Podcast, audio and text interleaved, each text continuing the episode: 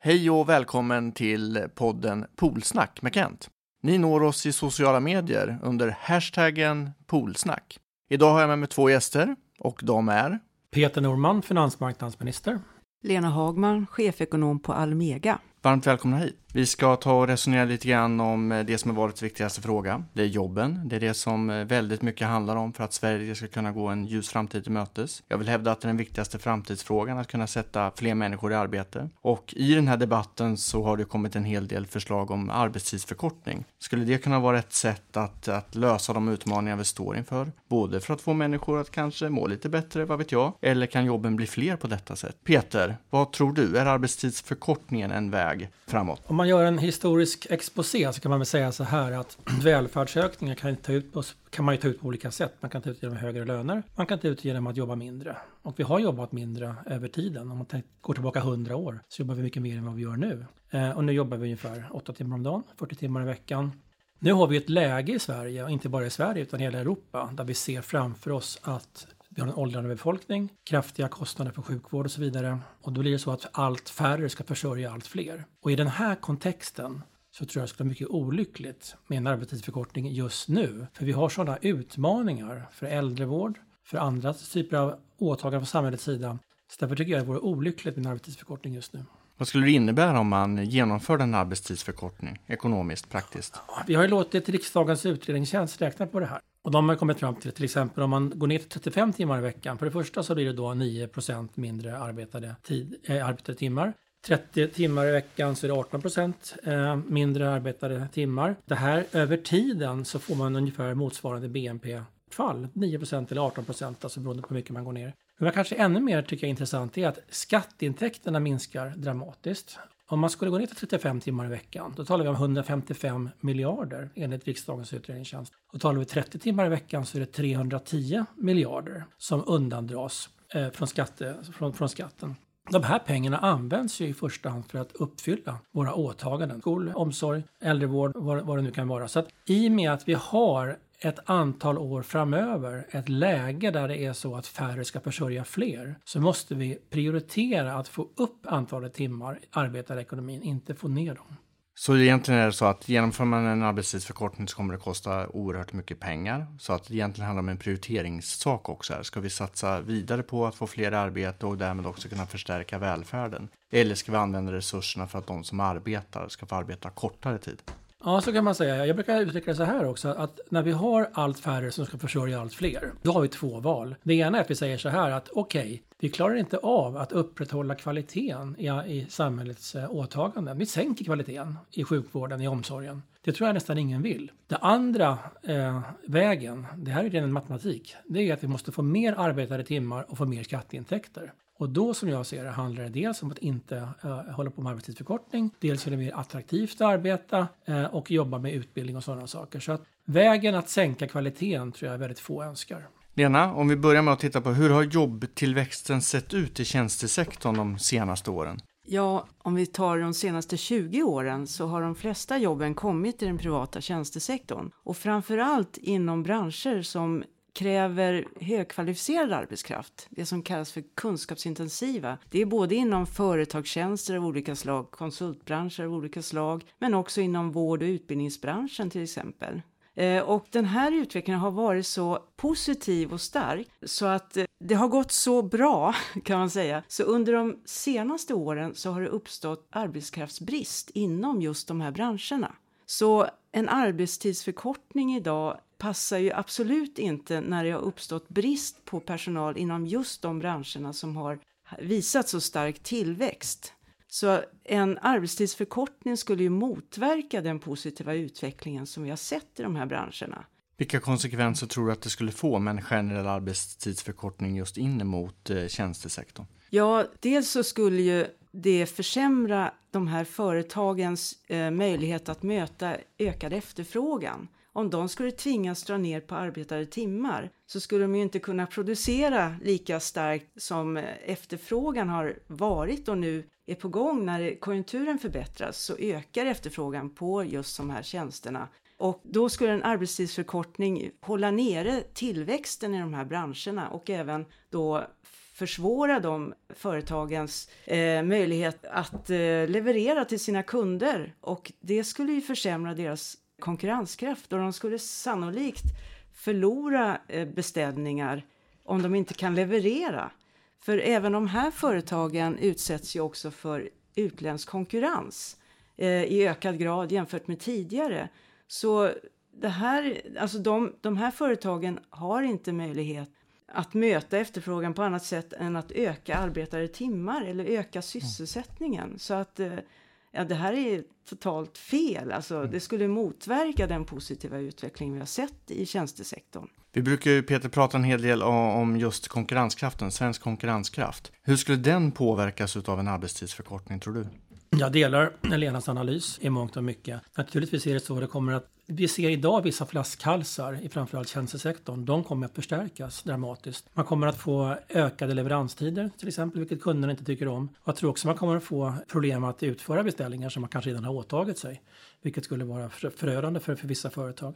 Låt mig också lägga till att man, man, kan ju förstås tänka sig så här att varför ska vi stanna på åtta timmar? Det kanske vore bra om man gick ner. Ja, eh, det är väl rimligt om man tittar på mycket lång sikt att vissa människor i alla fall vill jobba, vill, vill ta ut en välfärdsökning i minskad arbetstid. Det har man gjort som sagt under, under århundrade.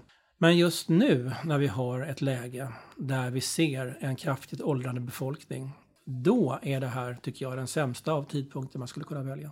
Mm.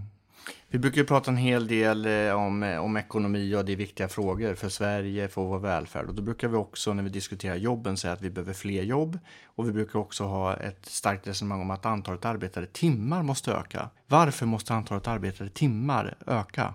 Måste, måste. Alltså, om antalet arbetade timmar ökar, då får vi en högre tillväxt i Sverige och vi får också mer pengar till staten, till skatten. Det är intressant att notera att trots, eller kanske tack vare, alla de jobbskatteavdrag som den här regeringen har genomfört, sänkt skatten för framförallt vanligt folk, så är det så att det har aldrig kommit in så mycket skattemedel till staten. I och med att över 250 000 nya jobb har skapats så betalas det in väldigt mycket mer skattekronor än det någonsin har gjort tidigare. Så det är inte så att det har varit eh, för, eh, något menligt på skatteintäkterna att sänka skatten, tvärtom. Så genom att få mer arbetade timmar då får framförallt kommunerna resurser att öka kvaliteten i sina åtaganden, äldrevård, skola och vad det nu kan vara. Och även staten får detta. Dessutom är det så att de pensioner vi har, det pensionssystem vi har, är beroende av vilken tillväxt vi får. Så lyckas vi skapa ett klimat, ett näringslivsklimat som ger en god tillväxt i Sverige, då blir också pensionerna högre. Och det är bra för pensionärerna och det är bra för de affärer som pensionärerna handlar i och så vidare. Så att det är ett väldigt många faktorer som spelar in här och all, allting tycker jag då pekar på att nu är det en väldigt dålig tidpunkt om man överhuvudtaget ska diskutera arbetstidsförkortning. Det har ju hänt något i Sverige under de sista åren, 20-30 åren. Tjänstesektorn har, har växt, men också som vi tittar på de här sista åtta åren som Alliansen har styrt, så har det också hänt en väsentlig skillnad i Sverige. Det är ju att eh, den privata sektorn växer. Det har vi inte varit vana med i Sverige. Vi har ju snarare sett i ett historiskt perspektiv att offentlig sektor har växt och privat sektor har minskat. Eh, och därför har vi också haft svårt att finansiera våra höga ambitioner på välfärdsområdet. Nu har, detta, nu har ju det skett en stor förändring och vi ser privat sektor växa. Vi ser att antalet arbetade timmar börjar växa fram. Varför är detta viktigt för företagen och vad kan politiken göra för att stärka denna utveckling ännu mer? Det har varit jättepositiv utveckling just inom tjänstesektorn med både kunskapsintensiva jobb och även andra typer av jobb. För det hänger ju ihop. Eh, ökad välstånd, ökade inkomster eh, skapar efterfrågan på alla möjliga tjänster. Även andra typer av tjänster som inte är så kunskapsintensiva. Så det har ju också skapat jobb, till exempel inom eh, hushållsnära tjänster, inom restaurangbranschen och eh, liksom andra typer av tjänstejobb. Eh, men för Sveriges starka sysselsättningstillväxt behövs en fortsatt utveckling av kunskapsintensiv tjänsteproduktion. För den har ju fått ökad betydelse också för exportindustrin och Sveriges totala eh, konkurrenskraft. För många av de här tjänsteföretagen bidrar till produktionen av tjänst, exporten. Alltså det är ett ökat tjänsteinnehåll, ökad mjukvara, tjänsteinnovationer och annat som, som liksom ingår i exportprodukterna. Och om nu arbetade timmar ska dras ner inom de här viktiga branscherna så tappar ju hela Sverige tillväxt och konkurrenskraft och därmed skatteintäkter till välfärdstjänsterna. Så man får inte glömma bort de här sambanden, hur viktiga de här är för Sveriges fortsatta starka utveckling som vi har sett under så lång tid. Nu behövs det ännu fler arbetade timmar, både för att eh, den här försörjningsbördan nu stiger som Peter inne på att med en åldrande befolkning. Det har redan startat under de senaste åren med de här 40-talisterna som har börjat gå i pension och, och det här kommer ju fortsätta att färre kommer eh, vara en, i den arbetsföra befolkningen medan fler och fler går i pension och då behövs det ännu mer arbetade timmar för att klara den här ökade försörjningsbördan. Och samtidigt då så behövs det fler timmar inom tjänstesektorn där efterfrågan ökar. Det är ju en väldigt positiv utveckling och då ska man ju inte motarbeta den med att dra ner på arbetade timmar. Det, är för, det vore förödande helt enkelt. Utan snarare förstärka det som vi nu ser växa fram. Mm. Det, vi, det, är ju rätt fascinerande att vi är på väg in i en valrörelse där jobbfrågan kommer att diskuteras också utifrån en aspekt tillväxt eller inte. Vi ser att flera partier tycker att man inte ska ha en tillväxt. Hur skulle det påverka företagen om vi helt plötsligt börjar mm. föra en politik med en utgångspunkt att vi ska ha nolltillväxt? Ja, då skulle ju företagen inte kunna konkurrera och sälja och skapa jobb. Eh, de skulle sannolikt ja, det skulle bli konkurser. Mm. Eh, företag skulle kanske flytta utomlands mer sin verksamhet. Även tjänsteföretag har börjat öka sin outsourcing. De blir mer och mer internationaliserade och kan flytta sin produktion också, inte bara tillverkningsindustrin. Så det här är verkligen, det vore ett hot. Vi skulle få sämre sysselsättning, sämre välfärd, eh, mindre offentlig konsumtion, transfereringar. Ja, mm. Eh, listan är lång. Eh, jag ser absolut inga fördelar med eh, den här arbetstidsförkortningen. Nej. Blickar vi lite grann framåt, Peter, så har ju Moderaterna sagt att vi har ett jobbmål att sätta 350 000 fler arbete till år 2020. Hur ska vi klara av att nå det ambitiösa målet? Det ska vi göra på många olika sätt. Vi har gjort det mer lönsamt att arbeta genom jobbskatteavdragen i ett antal olika steg. Här ser vi nu kraftiga effekter. Vi har 250 000 redan mer i jobb än när vi började för, för snart åtta år sedan. Det handlar om utbildningssatsningar. Det handlar om infrastruktur, det så kallade Sverigepaketet. Det handlar också om att göra en tunnelbana till Nacka och bygga en massa bostäder i Nacka. Det handlar om att göra Sverige mer attraktivt. Dels att arbeta i men också för att företag ska etablera sig i Sverige. Vi har sänkt företagsbeskattningen i Sverige så den ligger nu ordentligt under EU, EU-snittet. Det gör det mer intressant för, för företag att etablera sig här jämfört med andra länder och så vidare. Så det, det, är, det är en mängd olika faktorer som ska spela in här. Låt mig också bara säga att det mål vi har satt upp det är enkelt att mäta och följa. Ehm, det är 350 000 nya jobb så vi får 5 miljoner jobb 2020. Våra motståndare har ett mål som säger att de ska ha lägst arbetslöshet i Europa. Det kan man uppnå utan att få ett enda nytt jobb. Vi såg förra gången man hade kraftiga mål när Göran Persson sa 4 arbetslöshet. Då var ett kraftigt medel att förtidspensionera folk, trycka bort dem från arbetskraften kort och gott. Eh, det vill vi inte se igen och jag är rädd för att de här målen som man sätter upp på vår motståndarsida leder till sådana, kan leda till sådana typer av effekter istället för att få in folk i, i riktiga jobb. Från företagarnas sida, vad tror ni att vi kan göra för att nå upp och få ännu fler människor i arbete och särskilt de som kanske har lite tufft att få ett jobb idag? Ja, dels så måste ju vi fortsätta ha en konkurrenskraftigt näringsliv, både industrin och tjänsteproducenter som, som bidrar till Sveriges starka konkurrenskraft. Eh, och där behövs det fler sysselsatta nu inom eh, kunskapsintensiva branscher. Som, Eh, då, då, måste ju tillgången på den typen av arbetskraft öka. Eh, och det är bland annat genom eh, utbildningssatsningar och även kompetensinvandring. Med den åldrande befolkningen så behöver vi få hit, locka hit arbetskraft som har också den kompetens som företagen behöver. Där måste man satsa för att också efterfrågan på andra typer av tjänster ska hållas uppe, alltså vår välfärd. Eh, våra, vår starka sysselsättningsökning ska också skapa efterfrågan på andra typer av tjänster. Om vi tappar den, då kommer ju även den typen av tjänster tappa i liksom, sina kunder. Man kommer inte ha råd att köpa, gå på restaurang så ofta eller köpa andra typer av tjänster så mycket som idag.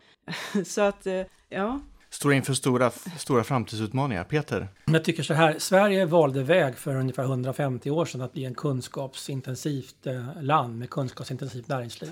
Vi har varit väldigt duktiga på att ligga i framkanten i teknologiutveckling och vi har varit kanske ännu duktigare på att göra oss av med det som inte har så mycket stort kunskapsinnehåll. Det är mycket smärtsamt när det sker, men det är som ett reningsbad för nya näringar växer till. Bra exempel på detta är teko och varvsindustrin. Det var väldigt smärtsamt när de lades ner, men det var uppenbart att andra länder kunde göra det här bättre till lägre kostnader. Vi utvecklade andra typer av kompetenser, teko, eh, förlåt, eh, tele, te, teleindustrin till exempel och, och andra.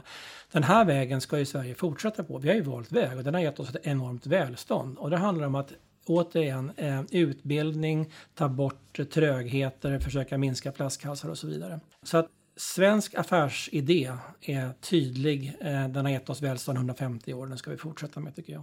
Det här är podden Polsnack och vi ska avrunda lite grann. Jag tycker också att det är viktigt att vi tar in ungdomarna i den här diskussionen. Det är de som ska bygga Sverige starkt i, i ett framtidsperspektiv. Hur, hur tycker ni att vi kan göra för att möta ungdomars kommande behov och faktiskt också se till att ännu fler ungdomar får ett arbete? Jag tror att det är väldigt viktigt att ungdomar får ett första jobb. Det vill säga när man söker jobb, då är det väldigt viktigt att man på sitt CV kan skriva att man har haft ett jobb tidigare. Då handlar det dels om en attitydfråga, att arbetsgivare måste bli mer vågade i någon mening att ta in ungdomar som inte har så mycket erfarenhet. Och vi måste se till, vilket vi också gör i de så kallade YA-jobben, vi ska, vi ska göra det billigare för arbetsgivare att anställa ungdomar. Vi ska kombinera arbete med utbildning på företagen. Vi ska lära oss av länder i Centraleuropa som är mycket bättre på det här än vad vi är. Nu har vi sjösatt detta och nu gäller det att fack och arbetsgivare marknadsför de här åtgärderna så bra som möjligt så vi får in fler i den här typen av arbete. Lena? Mm.